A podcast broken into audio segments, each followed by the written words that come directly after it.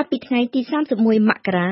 តម្លៃប្រេងដូងម៉ាឡេស៊ីនៅលើទីផ្សារអន្តរជាតិបានធ្លាក់ថ្លៃចុះទាបមិនធ្លាប់មានទេគិតចាប់តាំងពីឆ្នាំ2008មករហូតមកដល់ថ្ងៃទី24កុម្ភៈឆ្នាំ2020តម្លៃភាគហ៊ុនរបស់ប្រេងដូងម៉ាឡេស៊ីនៅតែបន្តធ្លាក់ថ្លៃដដែលបើក្រឡេកមួយភ្នែក គេច្បាស់ជាគិតថាតម្លៃប្រេងដូងម៉ាឡេស៊ីធ្លាក់ក៏ព្រោះតែមានពាក់ព័ន្ធទៅនឹងការព្រួយបារម្ភជំវិញការរាតត្បាតនៃជំងឺកូវីដ -19 នៅក្នុងប្រទេសចិន ដែលមានប្រជាពលរដ្ឋច្រើនមានសេចក្តីត្រូវការធំបរិបទបែបនេះពិតជាធ្វើឲ្យទីផ្សារប្រេងដូងជ្រួលច្របល់បន្តិចជាមួយនឹងទីផ្សារវត្ថុធាតុដើមផ្សេងៗទៀតដោយមិនអាចប្រកែកបានឡើយក៏ប៉ុន្តែនៅមានមូលហេតុដ៏ធំមួយទៀតដែលមកអង្រួនផលិតផលប្រេងដូងរបស់ម៉ាឡេស៊ីឲ្យក្រឡក គឺសេចក្តីប្រកាសរបស់រដ្ឋាភិបាលឥណ្ឌាអំពាវនាវឲ្យក្រុមហ៊ុនឧស្សាហកម្មចម្រាញ់ប្រេងឥណ្ឌាធ្វើពហិការមិននាំចូលប្រេងដូងមកពីម៉ាឡេស៊ីរដ្ឋាភិបាលក្រុងញូដេលីមិនពេញចិត្តនឹងពាក្យរិះគន់របស់លោកនាយករដ្ឋមន្ត្រីម៉ាឡេស៊ីចំពោះច្បាប់ថ្មីស្តីពីការសូចចូលសញ្ជាតិដែលសភាទើបបានអនុម័តកាលពីដើមខែធ្នូឆ្នាំ2019ជាច្បាប់ដែលមិនអនុគ្រោះសោះដល់អ្នកកាន់សាសនាអ៊ីស្លាម។ លោកមហាធាមហាម៉ាត់បានប្រកាសកាលពីថ្ងៃទី20ធ្នូថាមានមនុស្សច្រើនស្លាប់ដោយសារតែច្បាប់ថ្មីរបស់ឥណ្ឌានេះហើយសម្រាប់លោកនាយករដ្ឋមន្ត្រីម៉ាឡេស៊ីលោកឆ្ងល់ថាតើចាំបាច់អ្វីដែលឥណ្ឌាត្រូវធ្វើច្បាប់នេះឡើងបើប្រជាពលរដ្ឋរស់នៅសុខសាន្តនឹងគ្នាអស់រយៈពេល70ឆ្នាំមកហើយនោះ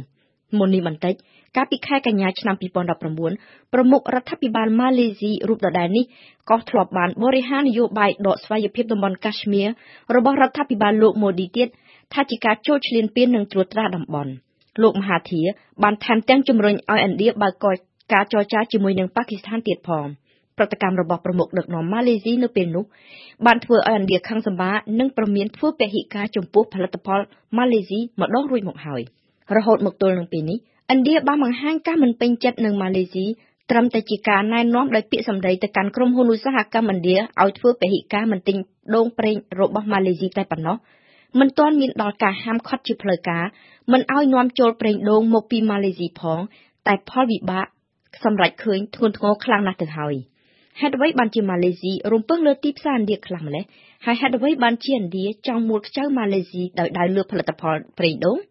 ត្រឹមតែសេចក្តីអំពាវនាវឲ្យធ្វើពហិការមិននាំចូលប្រេងមកពីប្រទេសម៉ាឡេស៊ីផលវិបាកសេដ្ឋកិច្ចមានលក្ខណៈធ្ងន់ធ្ងរណាស់ទៅហើយពីព្រោះថា ឥណ្ឌាគឺជាប្រទេសនាំប្រចូលប្រេងឆា ប្រេងចម្រាញ់ចេញពីរុក្ខជាតិច្រើនជាងគេបង្អស់នៅលើពិភពលោក ក្នុងនោះ 9 លានតោនគឺជាប្រេងដូង និង 4 លានតោនកន្លះ គឺជាប្រេងដូងមកពីប្រទេសម៉ាឡេស៊ីឥណ្ឌាគឺជាទីផ្សារស្រូបយក1ភាគ4នៃផលិតផលប្រេងដូងម៉ាឡេស៊ីសរុប ដូច្នេះម៉ាឡេស៊ីពិតជានឹងត្រូវជួបការលំបាកខ្លាំងណាស់ក្នុងការរកអតិថិជនថ្មីមកជំនួសឥណ្ឌាដែលជាអតិថិជនចាស់នោះ ម្យ៉ាងវិញទៀតសហភាពអឺរ៉ុបដែលជាក្រុមប្រទេសអ្នកនាំចូលប្រេងដូងដ៏ធំជាងគេដែរបន្ទាប់ពីឥណ្ឌានិងចិននោះក៏ចាប់ផ្ដើមបិទទ្វារបន្តិចម្ដងបន្តិចម្ដងលែងចង់ប្រើប្រេងដូងនេះទៀតដែរសហភាពអឺរ៉ុបបានចេញបម្រាមកាលពីខែធ្នូឆ្នាំ2019ឲ្យរដ្ឋជាសមាជិកសហភាពគិតគូរស្ថាបនាសេដ្ឋកិច្ចជាតិដោយឈលលើគំរូបរិស្ថាន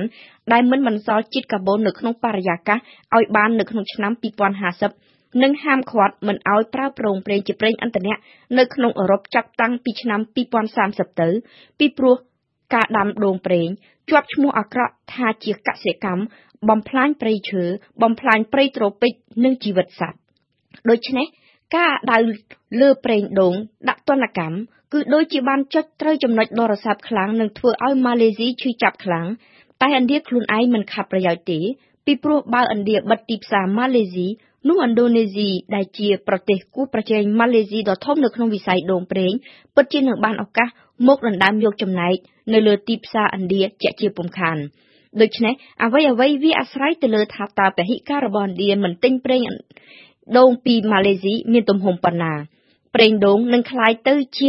គ្រឿងលម្អិលយន្តការនៃទំនាក់ទំនងឥណ្ឌាម៉ាឡេស៊ីដែលកាំងច្រេះបានដែរឬយ៉ាងណានោះបើតាមភ្នាក់ងារ Agritel គេសង្កេតឃើញមានការនាំចេញប្រេងដូងម៉ាឡេស៊ីចាប់កម្រើកឡើងវិញបន្តិចហើយនៅរវាងពីថ្ងៃទី1ដល់ថ្ងៃទី20កុម្ភៈឆ្នាំ2020កន្លងទៅថ្មីៗនេះដោយឥណ្ឌាក៏បានចាប់ផ្ដើមបន្ធូរបន្ថយការនាំចូលបន្តិចទៅវិញសូមបញ្ជាក់ថាដូងប្រេងគឺជាផលិតផលព្រៃរុក្ខជាតិដែលមនុស្សលោកទទួលទានច្រើនជាងគេបំផុតនៅលើពិភពលោកឥណ្ឌូនេស៊ីនិងម៉ាឡេស៊ីគឺជាប្រទេសដាំដូងប្រេងសំខាន់ជាងគេបំផុតពីរនៅលើភពផែនដីពលគឺតំណាងឲ្យ85%នៃផលិតផលដូងប្រេងសរុប។